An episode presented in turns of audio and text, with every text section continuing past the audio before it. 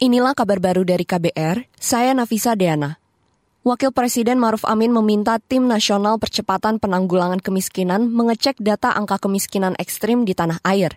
Ini disampaikan Maruf lantaran ada perbedaan laporan angka kemiskinan ekstrim 2022 antara Bank Dunia dan data Survei Sosial Ekonomi Nasional atau Susenas BPS. Menurut Bank Dunia, Angka kemiskinan ekstrim Maret tahun lalu 1,5 persen, sedangkan data Susenas BPS 2,04 persen atau 5,5 juta jiwa menyebutkan bahwa Indonesia on track dalam upaya penghapusan kemiskinan ekstrim di mana kemiskinan ekstrim ini menurut Bank Dunia katanya Maret 2022 mencapai 1,5 persen. Walaupun berbeda ini dengan hasil Susenas dari BPS yang pada Maret 2022 sebesar 2,04 persen.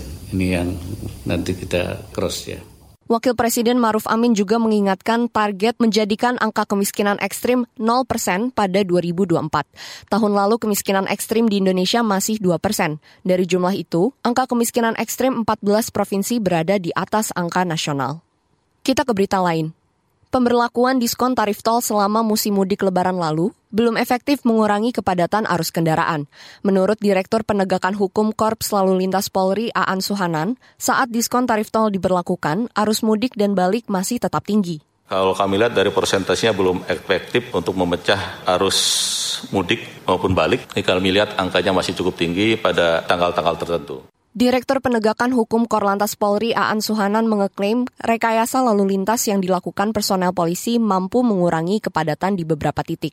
Selain itu, imbauan pemerintah terkait perpanjangan masa cuti lebaran juga terbukti efektif mencegah kepadatan kendaraan saat arus balik. Kita ke berita olahraga. Empat dari lima pasang ganda campuran Indonesia berhasil melaju ke babak selanjutnya di turnamen Malaysia Masters.